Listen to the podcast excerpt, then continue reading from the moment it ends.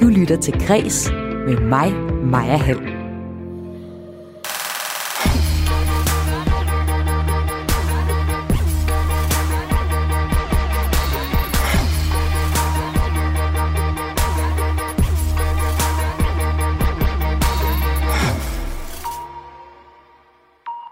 For under et år siden gik det succesfulde Fredericia Teater med opsætninger om Tommy Sebak og Shubidua konkurs. Men nu åbner teateret et teater igen i byen. Jeg tegner et portræt af musicalbyens storhed og fald og genopblomstring. For hver tiende danske museum har coronaåret givet mere gang i biksen end normalt. Et af dem er Lolland Falster Museum. Hør også her i kreds om, hvorfor Anders Mattesens film Ternet Ninja skal betale filmens støttebeløb tilbage, og at forfatter Tove Ditlevsen er blevet et stort navn i USA. Jeg hedder Maja Hall. Velkommen til Kris.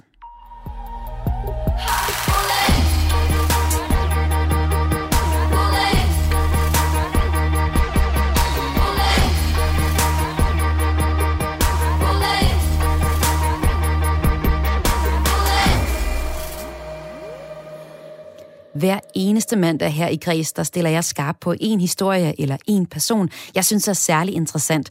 Og så giver jeg plads til, at øh, vi fordyber os i historien. Tegner portrættet af hele teateret, som det er i dag. I dag ser jeg nemlig nærmere på Fredericia Teater og hvilken betydning musicals har haft for byen og genren i hele Danmark.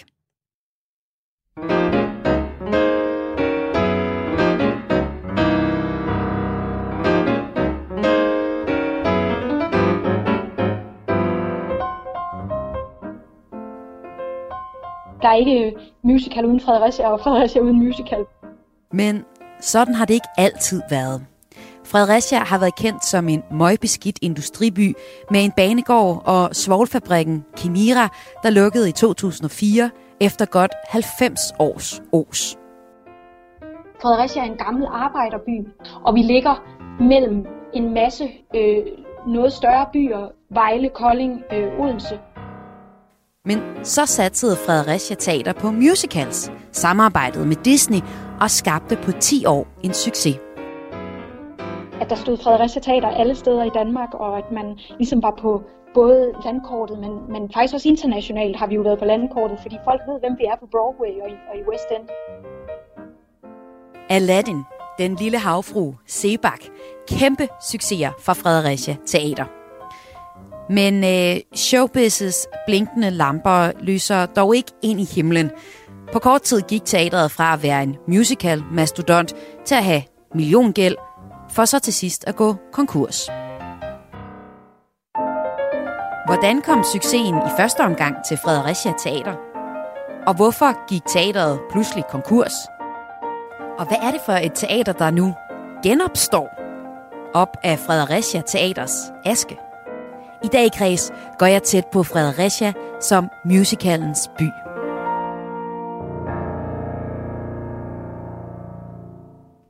Jeg hedder Bjørk Gamst, øh, og jeg er uddannet musical performer fra øh, det Danske Musical Akademi i Fredericia. Og så har jeg de sidste 10 år øh, efter jeg blev uddannet, har jeg så arbejdet i branchen, øh, været fastansat skuespiller på, øh, på det nu konkursramte Fredericia Teater, og, øh, og har også arbejdet som, øh, som producent på teater. Så Bjørk, hvad var den første musical, du sådan kan huske, du har set? Jeg har jo givet dig et nummer fra, fra, øh, fra Annie, som er øh, en, en musical af ældre dato, fordi min, min første sådan minder om musicals, det er i hvert fald det her med at sidde og se filmudgaverne. Jeg er opvokset på Lolland, Øhm, så det der med at, at komme ind og se store musicals, det var ikke sådan det, jeg, det er ikke det, jeg har gjort mest som, som barn og ung. Øhm, men, men min mor præsenterede mig for, øh, for en hel række af, af filmmusicals fra USA. Så jeg er virkelig vokset op med at se igen og igen og igen alle de her filmmusicals helt tilbage fra, fra 50'erne, men også helt op til 80'erne, hvor, hvor, øh, hvor Annie er fra.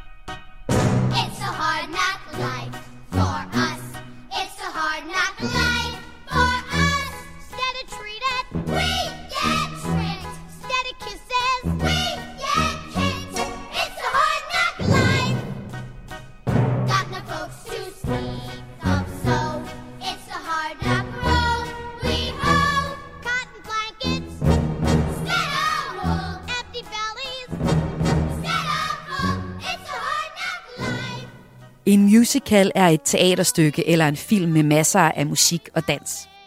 Musikteateret har egentlig fundet sted siden det gamle Grækenland, men musicals, som dem vi kender i dag, kommer fra Broadway-teaterne i USA, der i slutningen af 1920'erne mixede europæiske operetter og amerikanske underholdningsformer med ekstravagance og revy. I 60'erne kom musicalen her med sex, drugs and rock and roll, og herefter kom der en bølge af musicals fra London med Jesus Christ Superstar og Evita i 70'erne, og de satte så nye normer for, hvad musicals skulle handle om, og for hvordan klassiske musikgenre og populærmusik kunne blandes. Flere af de store musicals er blevet lavet som filmproduktioner, og Bjørk Gamst har set de fleste. Og Annie var altså den musical, hun husker bedst fra da hun var lille. Hvad, hvad er det her for en musical? Hvad betyder den for dig? Det er sjovt, fordi at man bliver rigtig tit spurgt om, hvad er din drømmerolle? Og, og så har jeg altid været sådan lidt, åh, det ved jeg ikke. Men af en eller anden grund, så er Annie altid kommet op. Og så har det jo altid bare været lidt sjovt, fordi jeg kommer jo selvfølgelig aldrig til at spille Annie. Hun er jo en lille pige. men, øh, men jeg tror, at, at da jeg var barn, øh, der havde jeg også krøller over hele hovedet. Øh, ligesom Annie har i den her film. Og, øh, og jeg så bare mig selv øh, i, den her, i den her pige, som hun var en, en pige med ben i næsen, og så netop de her øh, proptrækkerkrøller. Øh, og det tror jeg, jeg kunne spejle mig selv i. Annie er en musical om en ung forældreløs pige og hendes eventyr med at finde en familie. Historien foregår i 1930'erne, hvor den fyrige forældreløse pige Annie bor på et elendigt børnehjem, der drives af den tyranniske frøken Agatha Hannigan.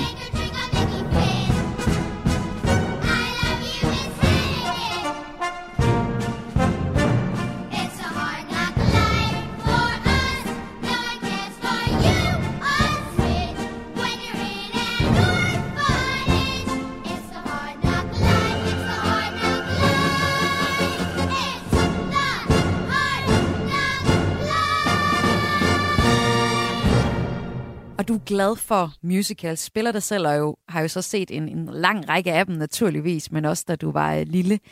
Hvis vi nu lige kigger på skeptikerne, så kritiserer de nogle gange musicals for at være sådan noget sød suppe, der hverken er god musik eller teater.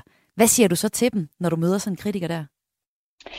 Så siger jeg, at jeg tror ikke, de har været inde og se ret mange forskellige musicals. Øhm, og øh, det er sådan set ikke øh, folks egen skyld, fordi det kan også være svært. Altså, øh, men for mig er musicals jo det samme som, øh, som at gå i biografen og se film.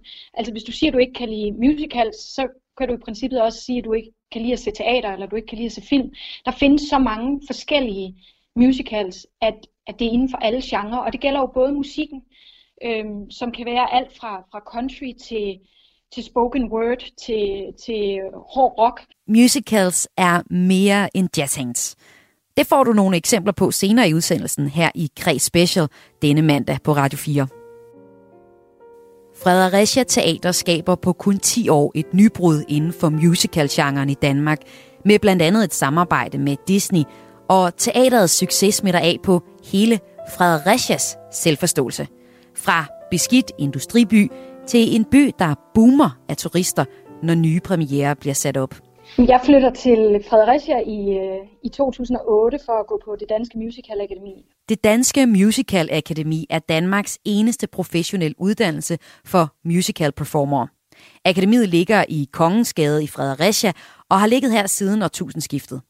Og øh, i løbet af mit sidste år på skolen, øh, der øh, bliver Søren Møller ansat som, som teaterchef på Fredericia Teater og vælger, at nu skal teatret øh, være egenproducerende og have mange flere produktioner i løbet af året og spille i Fredericia. Øh, og man skal have en ambition om at spille nye forestillinger, som enten er øh, produceret her i byen, eller øh, som aldrig har spillet i Danmark før. Og det var øh, helt vildt spændende. Altså man, man gik der på sit tredje år, og man var lidt vant til, at når man blev uddannet, så flyttede alle til København, og så skulle man øh, gå til auditions øh, på, på Grease, og på Chess og My Fair Lady. Og så var det ligesom sådan resten af ens karriere øh, så ud. Og lige pludselig så kom der den her mulighed for, at der kom et teater, der ville spille nogle forestillinger, man aldrig havde troet skulle sætte sig op i Danmark. Øh, det var forestillinger, man måske havde set på Broadway, nogle af dem. Og, og det var bare for sit liv, så var det helt vanvittigt, at, at øh, dengang tanken om, at nu skulle de ting spilles i Danmark. Og ham her, Søren Møller, ham må du gerne lige huske på. Ham vender vi nemlig tilbage til, for han er en af årsagerne til Fredericia Teaters succes. Men han er også en mand, der lige nu er involveret i sagen om teaterets konkurs. Men den del af historien er vi altså ikke nået til endnu. Lige nu, så er Søren Møller ham, der til den unge Bjørk Gams overraskelse og held vælger at satse på nyopsætninger af musicals. Øhm, jeg kan huske, fordi Søren Møller var på det her tidspunkt øh, rektor på det danske Musical Akademi også. Øhm, og vi får det så at vide, fordi jeg jo stadig går på skolen, at han i hvert fald skal, skal til at være øh, chef nede på teatret. Det får vi at vide i en frokostpause, øh, alle os, der går på skolen. Men på det her tidspunkt får vi jo ikke at vide, hvad der sådan skal ske, men det er jo selvfølgelig, nå, det er da spændende, og han, nå, han skal til at, at lede teatret. Så øh, bliver der simpelthen holdt en presse, øh, ja, hvad, hvad hedder det, det er jo ikke en pressemeddelelse, der var ligesom sådan en pressedag på teatret, og hvor vi jo så var inviteret med øh, til at være der fysisk i lokalet, og, og der var så medier fra, fra hele landet, hvor sæsonen bliver fremlagt, og der gik bare sådan et sug igennem, altså alle os elever, der jo var der, fordi man troede, det var løgn, da man hørte den her sæson, der blev øh, præsenteret. Øh, jeg tror, vi sad sådan lidt med åben mund og polyper, og, øh, øh, og derfra så fortsatte det jo til audition og til videre hen. Altså, det, det var bare noget, der sådan gav bølger gennem branchen.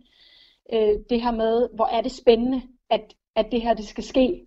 Øh, og, og selvfølgelig også spændende at se, hvordan kommer det til at gå? Altså, øh, kan det lade sig gøre i Danmark? Og spille de her forestillinger. Vi åbnede med, den, øh, med en dukkemusical, der hed Avenue Q, øh, som vi også endte med at spille inde på Nørrebro Teater.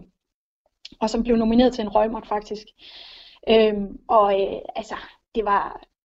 Det, jeg kan også huske at sætte den op og, og få tilkendegivelser fra øh, kolleger i branchen, der var helt op at køre over øh, at, at vi havde lavet den her forestilling, og hvor fantastisk det var, og hvor sjovt det var. Det var, øh, det var en meget særlig periode, øh, og på en eller anden måde også en iværksætterånd, da jeg jo så endelig blev, blev, blev ansat på teateret, fordi vi var jo et meget lille teater i starten. Øh, jeg tror, vi var 12 fastansatte, og de fire af os var skuespillere i den første sæson, øh, der skulle have have det her til at op og køre. Vi havde fem produktioner i, i det første år.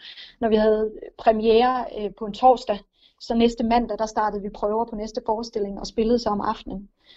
Øhm, og sådan fortsatte det hele sæsonen, og øh, det var mega hårdt, og det var mega fedt.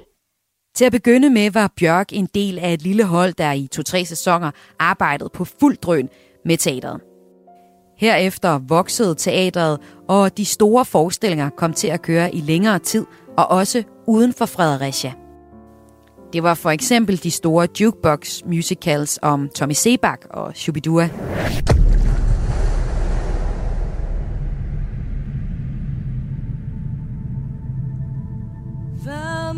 Hvad der sker, når man skal bort, når livets skjorte bliver for kort.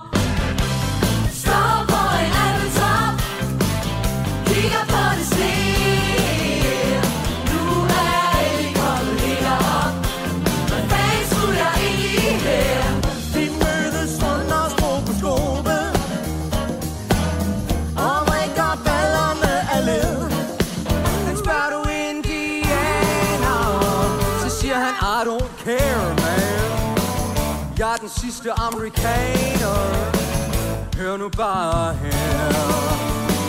Kom hils på fotografen. Han hedder Jacques. Han taler kun fransk.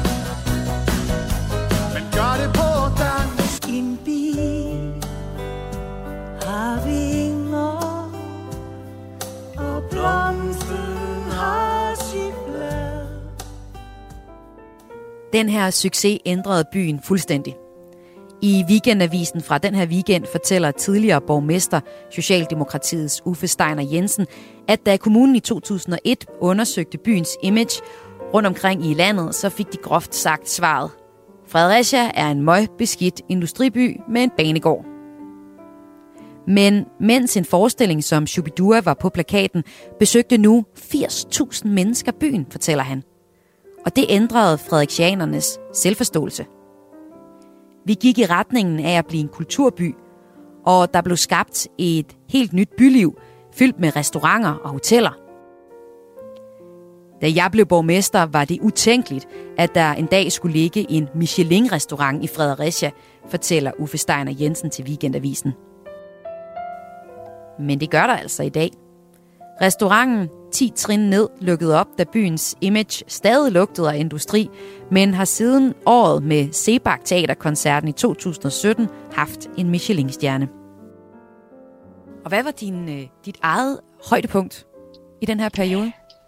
Jamen, det har helt klart været øh, en forestilling, der hedder Lizzie, øh, som jeg har spillet to gange. Øh, først øh, på dansk, øh, og selvfølgelig her i, i, i Fredericia, hvor jeg stadig bor. Og så et par år efter, så fik jeg lov til at lave den på engelsk også, øh, hvor vi både spillede den i Fredericia, og så rykkede vi den til London.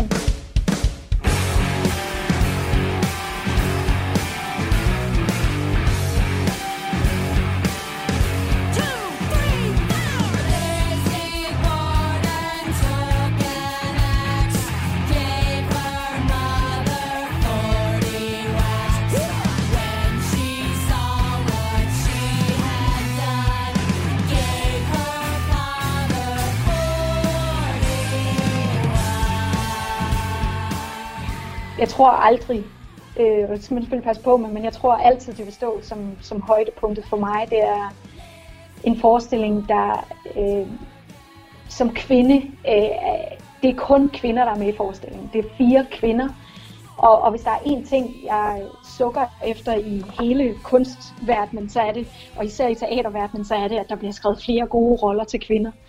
Men det her her, der har vi simpelthen en, en forestilling, som kun er fire kvinderoller, og det handler om incest, og det handler om mor, og det handler om at blive, øh, blive udnyttet og, og føle sig forsmået. Øh, så der er nogle virkelig, hvad skal vi sige, dybe tematikker og, og følelser på spil. Og så samtidig, så er det så mega fedt, at det er rockmusik. Øhm, og det nummer, jeg har taget med i dag, er faktisk ikke øh, det hårdeste. Nu har jeg taget en, en blød rockballade med, men, øh, men nogle af de andre numre i forestillingen er faktisk rigtig hård rock. Øh, og det synes jeg jo bare er endnu mere fedt, at man har lavet det til kvinder. Fordi der kan også godt være en tendens til, at man siger, at hvis det skal være det, så skal det være til mænd, når det er rock. Men her der er det altså bare fire kvinder, der får lov til at rock den ud for vildt. This is not love. I don't know what it is. But I know this, this is not love. You touch with selfish hands. This is not love. You speak in cold demands. This is not love. Whatever you take, it isn't giving when I, I have no choice. What kind of life am I living? Det er her omkring Fredericia Teater skriver sig ind i musicalhistorien i Danmark med både modige musicals som Lizzie og deres nye samarbejde med Disney.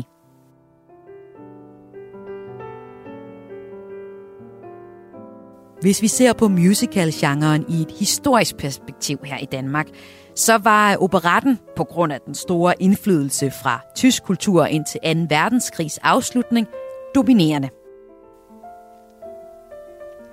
Først i efterkrigstiden begyndte de amerikanske musicals for alvor at blive opført på danske scener. Men egentlig danske produktioner af musicals kommer først i 80'erne med blandt andet Hans Krav Jacobsen og Kasper Vindings popmusical Frit Fald på Bellevue Teateret og Sebastians Skatteøen i Folketeateret. I 1990'erne rammes Danmark for alvor af det, pressen udnævner til musicalbølgen, med Østre Gasværk Teater, Gladsaxe Teater og det nye teater som førende scener.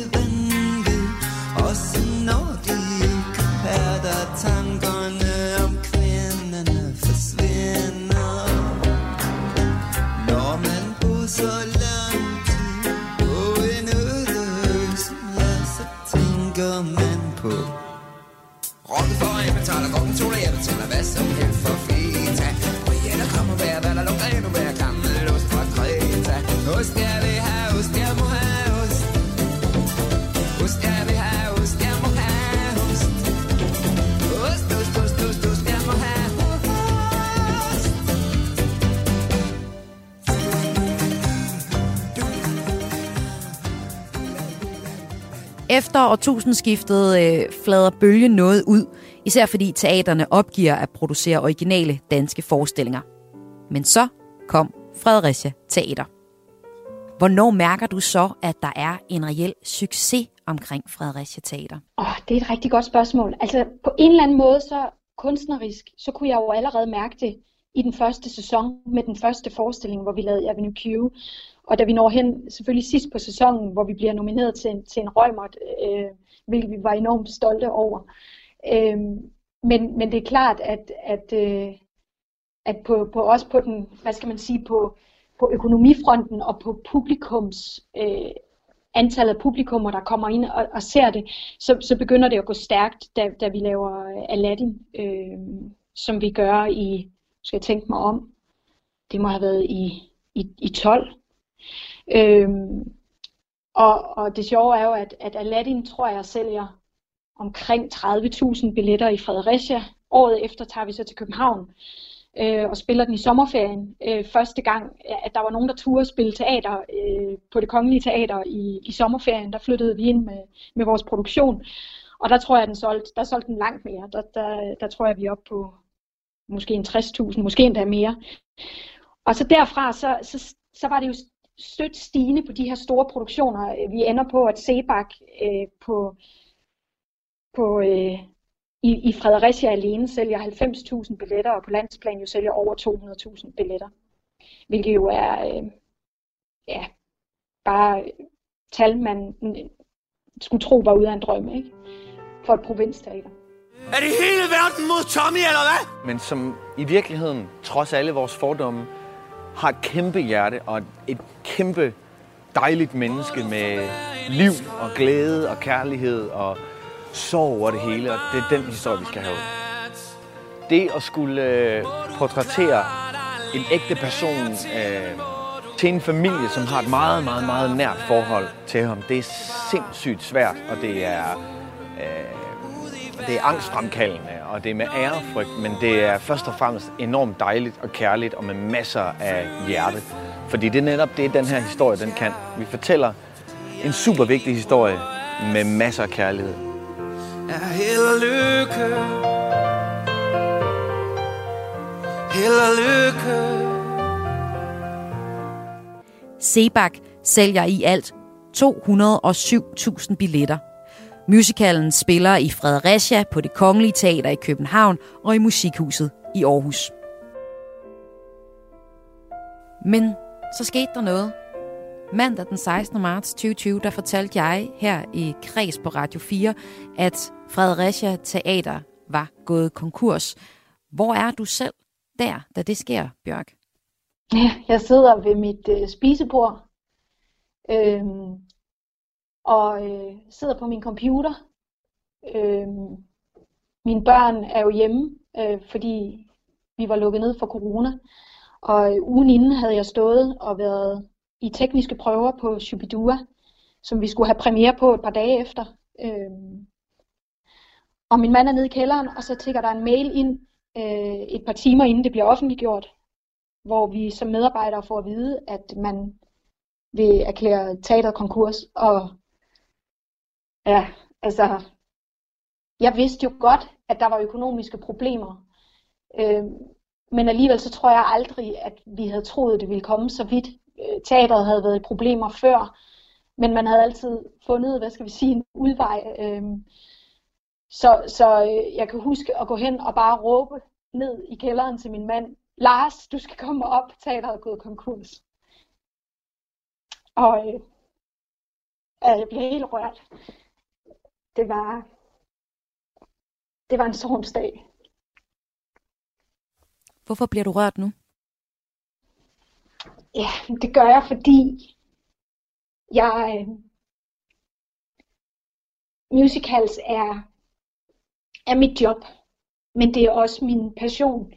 Og jeg har, jeg har jo brugt hele mit, mit, øh, mit, mit voksne arbejdsliv på, på, på det her teater. Øh, så det var mit, mit, mit privatliv, mit arbejdsliv var smeltet sammen. Øh, og det var svært at skelne, hvor det ene startede og det andet sluttede. Det var, øh, det, det, det betød jo bare, og betyder helt vildt meget for mig. Øh, musical-genren øh, er, er vigtig for mig, øh, og den her øh, udvikling, som teatret havde, havde sat i, i den danske genre, der var jo selvfølgelig med det samme en angst for, skal vi nu tilbage til det, jeg kan huske fra, da jeg gik på skolen, hvor man skulle ud og kun lave Grease og Sound of Music. Øhm, skal vi tilbage til det nu, fordi det teater, der ligesom var forgangs øh, primus motor for, for den her bevægelse, det nu er der nu ikke mere. Så hvad skal der ske med min branche, øh, som betyder ja, alt for mig? Aflysningerne betyder væsentligt færre indtægter til Fredericia Teater i hele 2020. Det er blandt andet musicalen Shubidua 2.0, der bliver aflyst. Og det manglende billetsalg er den direkte årsag til, at det er slut med musicals fra Fredericia Teater.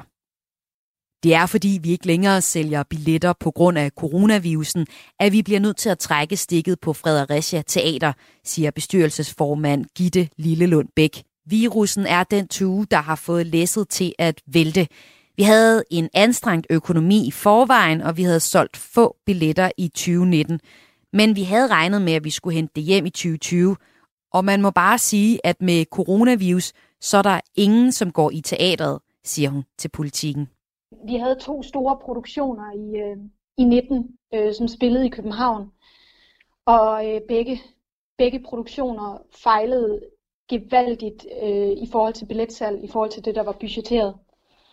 Øhm, og, og det er sådan med, med, som jeg har sagt tidligere, musicals er sindssygt dyrt at sætte op, og hver gang Fredericia Teater satte en stor produktion op, så var det faktisk med livet som indsats. Øhm, man, man, Fredericia Teater var jo et, et, et støttet teater, som, som kommunen støttede, og som, som øh, fik Ejens Teater øh, støtte også fra staten, refusion. Øhm, men den, hvad skal vi sige, procentdel af ens omsætning om året, man fik fra, fra støtte og sponsorer, hvad man kunne, var måske måske øh, 20 procent, og de 80 procent skulle man hente ved billetsalg, og det vil sige, at hvis billetsalget fejler, så, så har man et problem. Og det er sådan i teaterbranchen, at man kan ikke lidt ligesom i, i mange andre brancher, øh, når først det er gået galt, så kan du ikke, du kan ikke bare skære ned, fordi alle kontrakterne er skrevet med skuespillerne, og de er uopsigelige, så man kan ikke lige pludselig lukke ned og sige, at vi sælger ikke nogen billetter, så nu holder vi op med at spille, og så sender vi folk hjem. Så man har stadig udgifterne, så det er et, et skib, der er meget svært at vende. Og hvis vi kigger på, på andre scener, som solgte så mange billetter, som, som, øh, eller i nærheden af, hvad Fredericia Teater gør, gjorde, fordi Fredericia Teater var jo et af de bedst sælgende teater i hele Danmark, øhm, så skal vi op og kigge på nogle af, af, af øh, hvad hedder det, regions øh, landsdelsscenerne. Øhm, men landsdelsscenerne, de har en økonomi, der er lige omvendt, at øh, de får 80% af deres støtte, måske fra, fra offentlige støttekroner fra staten, og så skal de kun hive måske op mod 20% ind i billetsalg. Det vil sige, de har ikke den risiko, når de går ud og, øh, og, og fejler med en forestilling. Øhm, og i, i 2019, der, øh, der fejlede man med to forestillinger øh, i København. Og det var, øh, det var simpelthen for meget til, at man kunne, man kunne øh, leve med det, desværre. Det var forestillingerne Prinsen af Ægypten og Tarzan. Ja, det var det. Som du fortæller fejlede i, i København. Hvad skete der? Havde I spillet over evne? Ja, men det er jo altså det er så svært at gisne om. Øh, jeg tror først og fremmest, at, øh, at markedet i København har ændret sig. Der er kommet mange flere øh, producenter af, af musicals, så der var et meget større udbud. Det vil sige, at konkurrencen er selvfølgelig stigende. Derudover så er der sikkert hundredvis af, af andre grunde. Altså i sommeren havde vi, øh, havde vi øh, perioder med, med rigtig godt vejr, øhm, og der ved vi godt, at, øh, at når vi spiller om sommeren, og vi skal spille indenfor, så er det bedst, hvis det regner. så får vi flere folk i teatret, og hvis man lige præcis i den periode, man spiller, har en, øh, har en, en lang periode med, med 25-30 grader, så, øh, så begynder det også at se, se skidt ud. Men, øh, men der er nok mange flere årsager end det. Der bliver konstateret, at der er brugt flere penge på markedsføringen, end bestyrelsen havde tilladt. Byrådet havde set frem til, at Chubidua 2.0 skulle spille fra fredag og fylde byen med musicalgæster i de næste to måneder. Aflysningerne giver et stort tab for både teateret og for byens omsætning. Fredericia Teater har en uvurderlig betydning for Fredericia, lyder det en erklæring fra Fredericia Byråd. Teaterchef Søren Møller går af. Men han er stadig rodet ind i sagen. Faktisk kræver konkursbo 8 millioner kroner fra den tidligere teaterchefs egne lommer. Og det er altså vel at mærke ham, der har sikret, at teateret har fået den succes, den har. Imens det her sker, så kommer der pludselig en ny historie, der lander her på redaktionens bord. Og det er historien om, at Fredericia skal have et nyt teater. Fredericia Musical Teater. Hvad er det, der sker, Bjørk? ja, men øh, det, er jo, det er jo meget stolt af. Altså, øh, de sidste par måneder, der har jeg været øh, ansat i, øh, i Fredericia Kommune øh, som konsulent i forhold til at arbejdet med at få, øh, få stablet et øh, nyt teater på benene i byen. Øh, jeg er meget stolt af at bo i en by, som også i en periode nu, øh, hvor vi har corona, hvor vi sulter efter kultur. Og øh, en ting er, at, at publikum måske sulter efter det, men kunstnere sulter jo også efter arbejde. Og at, man, at, at jeg så bor i en by, der stadig kan se, at øh, de tror på, at når vi kommer ud på den anden side af den her corona, så, øh, så har vi brug for teatret i byen igen til at være et fyrtårn. Så i foråret 2020, der må Fredericia Teater efter millionunderskud gå konkurs. Men nu har kommunen besluttet at investere 11 millioner kroner årligt i et forsøg på at genrejse Fredericia som musicalby med et nyt Fredericia Musical Teater. Altså, det kan jo virke helt gak, at man nu satser på et projekt, der gik så galt for meget kort tid siden. Men byrådet tror på projektet, og næstformand i Fredericias Kultur- og Idrætsudvalg, Venstres Christian Jørgensen, understreger over for politikken, at årsagen til Fredericia Teaters konkurs i høj grad var svigtende salg på forestillinger, der spillede uden for Fredericia – Tarzan-forestillingen på Frederiksberg kostede for eksempel teateret op mod 35 millioner kroner, siger han til politikken. Kommunens ambition er at komme tilbage på internationalt topniveau. Og spørger man uh, Bjørk Gamst, hvad det er, ja, så skal vi lytte til den prisvindende musical Hamilton om en af USA's grundlæggere, Alexander Hamilton. How does a bastard, orphan, son of a whore and a Scotsman, dropped in the middle of a forgotten spot in the Caribbean by providence, impoverished and squalor. Grow up to be a hero and a scholar. The ten dollar founding father without a father got a lot farther by working a lot harder, by being a lot smarter, by being a self starter by 14. They placed him in charge of a trading charter. And every day while slaves were being slaughtered and carted away across the waves, he struggled and kept his guard up. Inside, he was longing for something to be a part of. The brother was ready to beg, steal, borrow, or barter. Then a hurricane came and devastation reigned. Our man saw his future drip, dripping down the drain. Put a pencil to his temple, connected it to his brain, and he wrote his first refrain, a testament to his pain. Well, the word got around, they said this kid is insane, man. Took up a collection just to send him to the mainland. Get your education, don't forget from whence you came, and the world's gonna know your name. What's your name? man? Alexander Hamilton. Hamilton er øh, en, en meget ny musical, men øh, har både vundet Pulitzerpriser og diverse Tony Awards, og jeg ved ikke, hvad den ikke har vundet på Broadway. Øhm, så det er et kæmpe hit, og nok den forestilling, der, når Broadway kommer til at åbne igen, tjener flest penge øh, hjem. Men samtidig så signalerer den for mig alt det, jeg jo også gerne vil med, med, med Fredericia Musical Teater, det her med at skubbe til genren. Her der har vi en forestilling, hvor man rapper. Og det er jo ikke fordi, man nødvendigvis skal rappe i alle forestillinger, men det er det her med netop at vise, at musical behøver ikke at være det, alle tror, det er. Musical kan være alle musikgenre og alle skuespilgenre.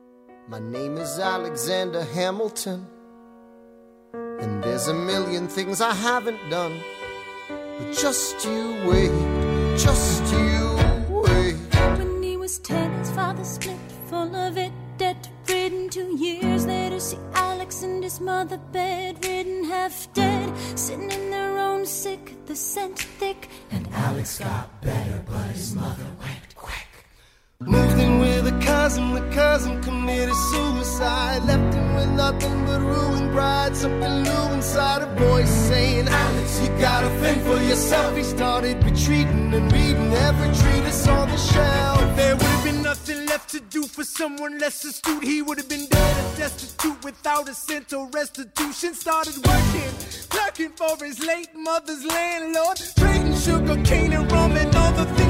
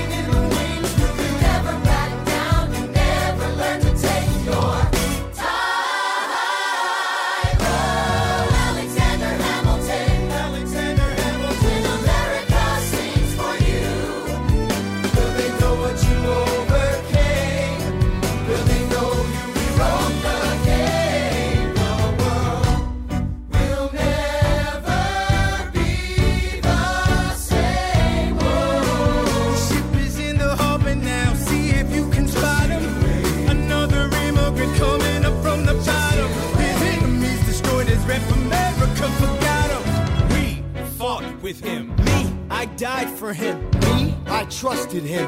Me, I loved him. And me, I'm the damn fool that shot him. There's a million things I haven't done, but just you wait. What's your name, man? Alexander Hamilton.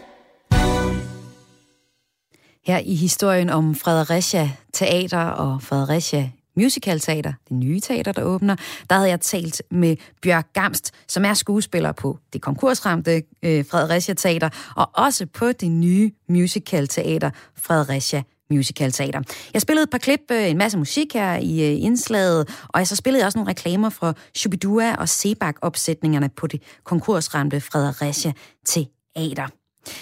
Jeg tror, jeg slutter hele programmet af med at spille øh, et øh, stykke øh, musik fra en musical. Og hvis det ikke skal være Ostesangen fra Skatteøen, så skal du skrive ind til mig på 1424. I beskeden skriver du R4, laver et mellemrum og skriver den musical-sang, du gerne vil have, vi slutter af med her i programmet. Så kan det være, jeg lytter til dig. Du lytter til Græs med mig, Maja Hall.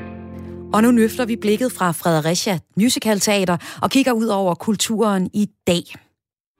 Wow, hvad er det for en? Det er sgu da en ternet ninja. Det kan du da nok se. Fuck af med dig. Taberkylling. Og skrid så med dig, din søn af en ludfattig luder. What? Hvad, hvad, hvad er du for noget? Ah, ikke igen, altså. Hvis du kalder mig Harlekin, så stikker jeg dig. Det her var en bid fra Anders Mattesens film Ternet Ninja. Den øh, er der stor sandsynlighed for, at du har set, for filmen er en af de største biograf-hits i nyere tid. Faktisk så er det sådan, at produktionsselskabet A-Film har tjent så godt på filmen, at de nu skal betale hele filmens støttebeløb tilbage til det Danske Filminstitut, det skriver kultursejtet Kulturmonitor. Hele, to, nej, hele 929.000 billetter endte filmen med at sælge, da den gik i de danske biografer og blev kåret som årets film 2019 til den såkaldte Svend-pris. Konkret betyder det derfor, at øh, A-film skal betale 6,8 millioner kroner retur. De øh, penge sendes så efterfølgende retur i støttesystemet. Så dejligt for nogle andre, måske lidt træls for dem.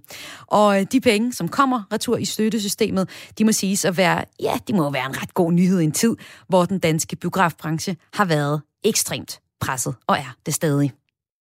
When day comes, we ask ourselves, where can we find light in this never ending shade? The loss we carry, a sea we must wade. We've braved the belly of the beast. We've learned that quiet isn't always peace. In the norms and notions of what just is, isn't always just is.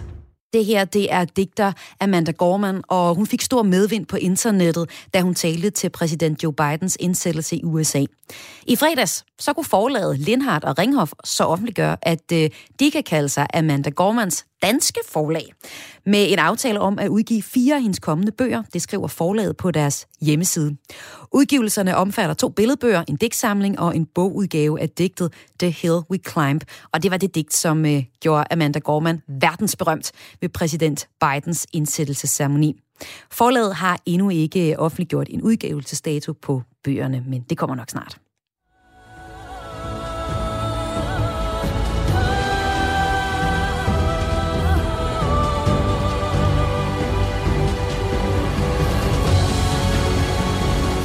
Tidligere her i januar har vi her på Kreds nok kunne fortælle den mest kreative kultur- corona-historie. Der handler om den øh, svenske Jytteborg Filmfestival, der har valgt at afvikle deres program på meget coronasikker vis. Simpelthen ved at sende en enkelt person ud på en øde ø, hvor vedkommende skulle øh, se festivalens 70 film helt alene.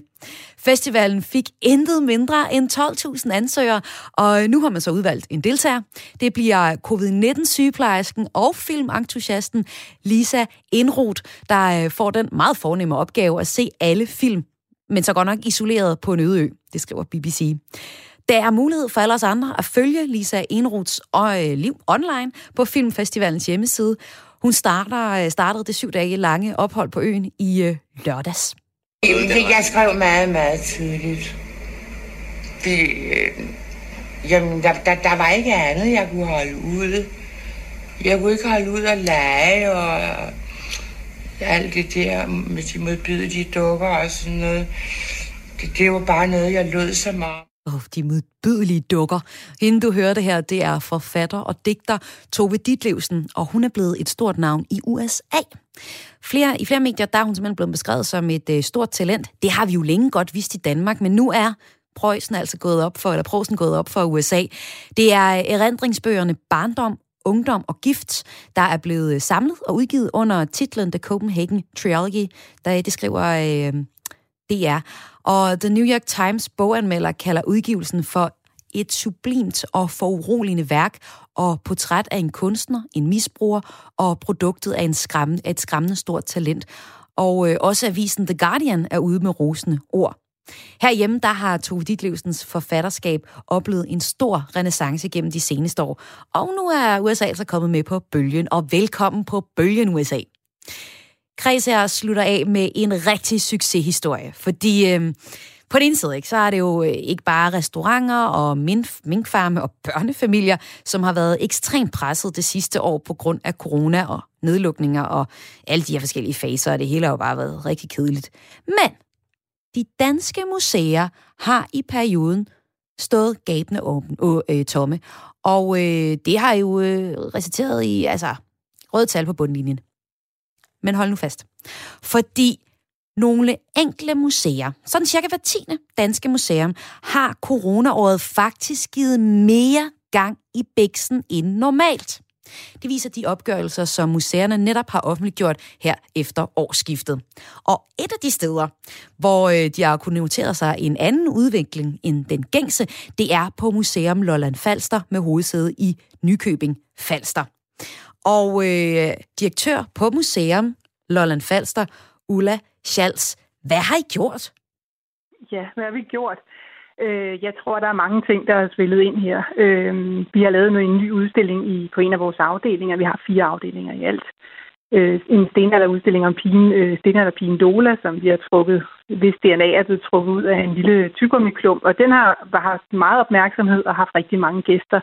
Men vi har faktisk også oplevet, at de andre udstillingssteder generelt set også har været stigende i besøgstal. Og, og der har vi egentlig ikke gjort voldsomt meget, fordi vi jo øh, i lang tid ikke anede, om vi måtte åbne eller ikke måtte åbne. Så vi har egentlig øh, i virkeligheden ikke gjort så meget. Øhm, men det har alligevel givet rigtig mange gæster. Jeg tror, det hænger rigtig meget sammen med, at folk har søgt væk øh, fra de store byer i Danmark og ud på landet. Og der er nok mange nok tænkt, at når den faldt der, så kunne man ikke komme længere væk i Danmark. Øh, og det har vi jo lidt godt af, at vores øh, hvad skal vi sige, turistinformation, eller turistorganisation har trukket mange gæster til vores øer, og vi derved også har kunne trække dem videre ind på, øh, på vores museer. Ja, det, det må det man da sige her. Altså, besøgstallet på, øh, hos øh, Museum Lolland Falster er gået fra 70.000 i øh, 2019 til omkring 27.000 øh, sidste år i 2020. Altså det, er jo, altså, det er jo helt vildt. Det er jo ikke bare, fordi man lige har tænkt, nå, nu er, nu er vi her lige, så kan vi jo lige så godt, eller hvad? Er det virkelig det? Ja, vores indtjening på billetsalget er faktisk også fordoblet øh, cirka siden vildt. sidste ja. år. Ja, det, det er meget, meget fedt, og, og, og det var også på mange områder jo overraskende, fordi vi anede jo ikke, hvad vi gik ind i af sopper. Men det, som jeg tror måske også har gjort, det er, at vi har, øh, vi har, vi har måttet opgive sådan alt det her markedsføringsplanlægning på, på, hvad skal man sige, de trygte medier øh, fordi vi jo ikke vidste, at vi måtte åbne. Derfor så har vi jo brugt meget krudt på, på de digitale medier, og det har vi søgt råd og vejledning hos os nogle professionelle øh, mennesker, og det har virkelig, virkelig været en, noget, som vi har lært meget af. Det har været super godt.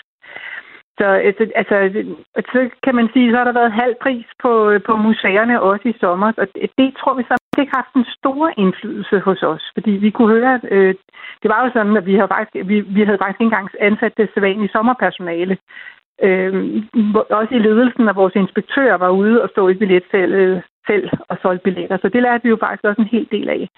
Og der kunne vi jo høre, når vi solgte billetterne, at de fleste faktisk ikke vidste, at det var halv pris.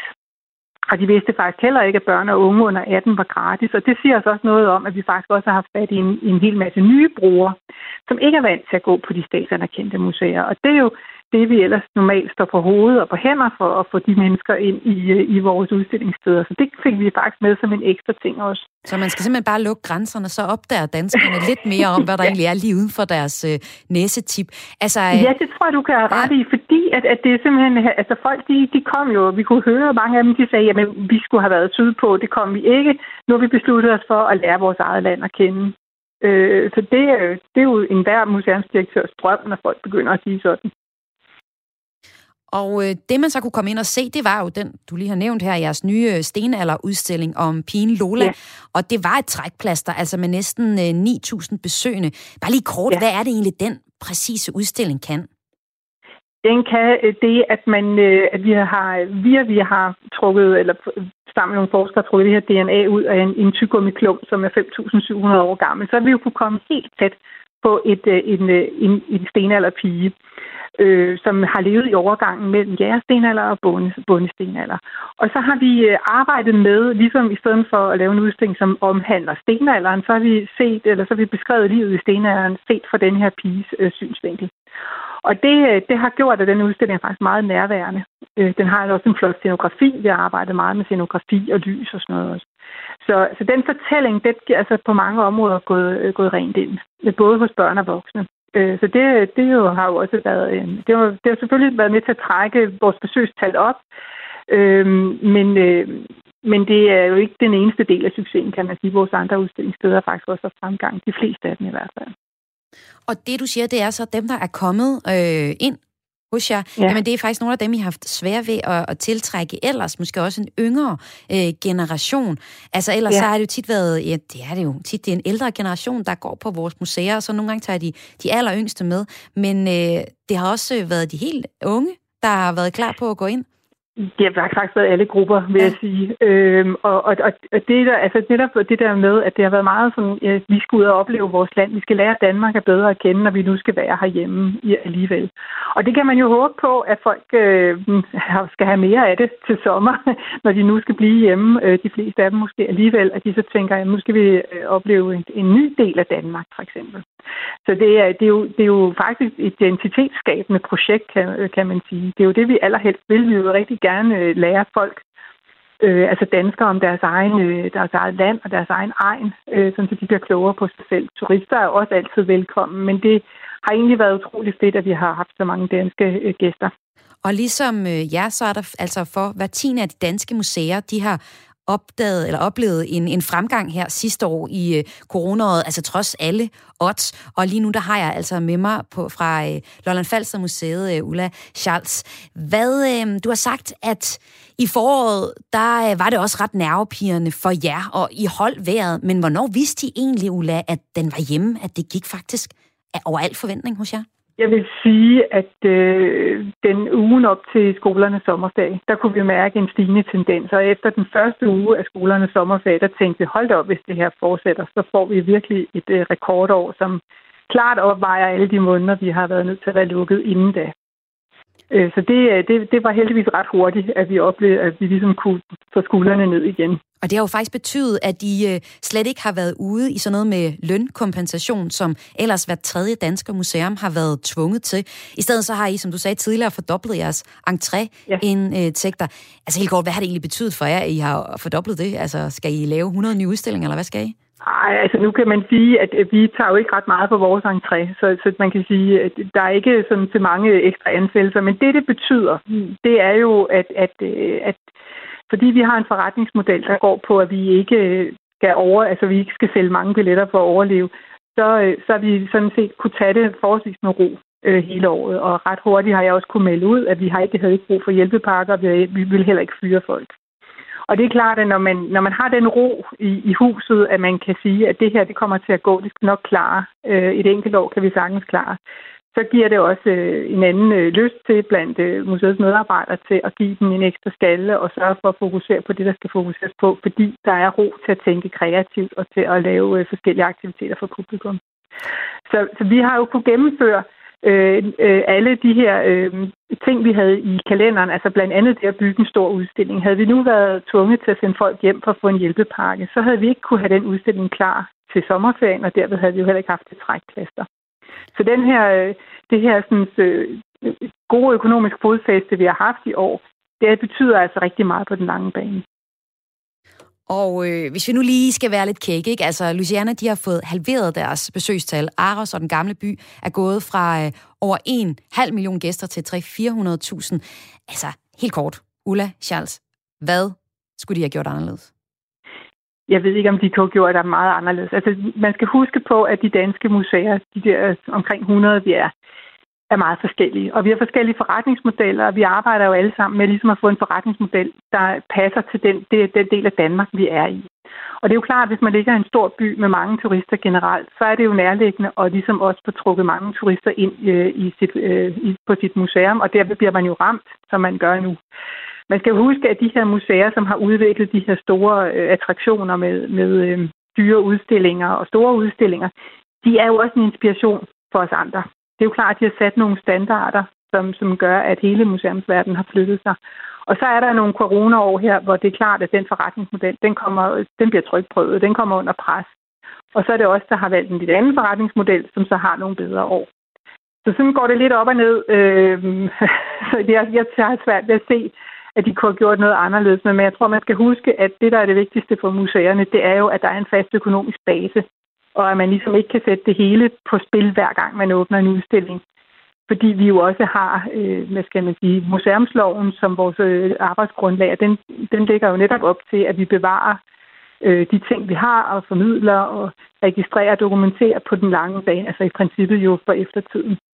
Så derfor skal man passe på, at den der balance ikke øh, tipper over. Den er i hvert fald tippet til den gode side hos jer, i hvert fald sidste år. Ulla Charles, tak fordi at uh, du var med her, og held og lykke med 2021 også. Tak skal du have. Og det var altså Ulla Charles fra øh, Lolland Falster Museum. Vi har nemlig set på museumsverdenen, og hvor godt det er gået for nogen. Og i morgen der ser vi mere generelt på, hvad der skal til for at redde den gispende branche. Det var alt for Kreds. Jeg hedder Maja Hall, og jeg har fået hjælp af Dorte Søholm til at tilrettelægge programmet i dag. Jeg skulle have spillet en musical nummer her til sidst. Du skulle have været My Fair Lady. Jeg når det ikke. Det må I selv klare på genhør igen i morgen.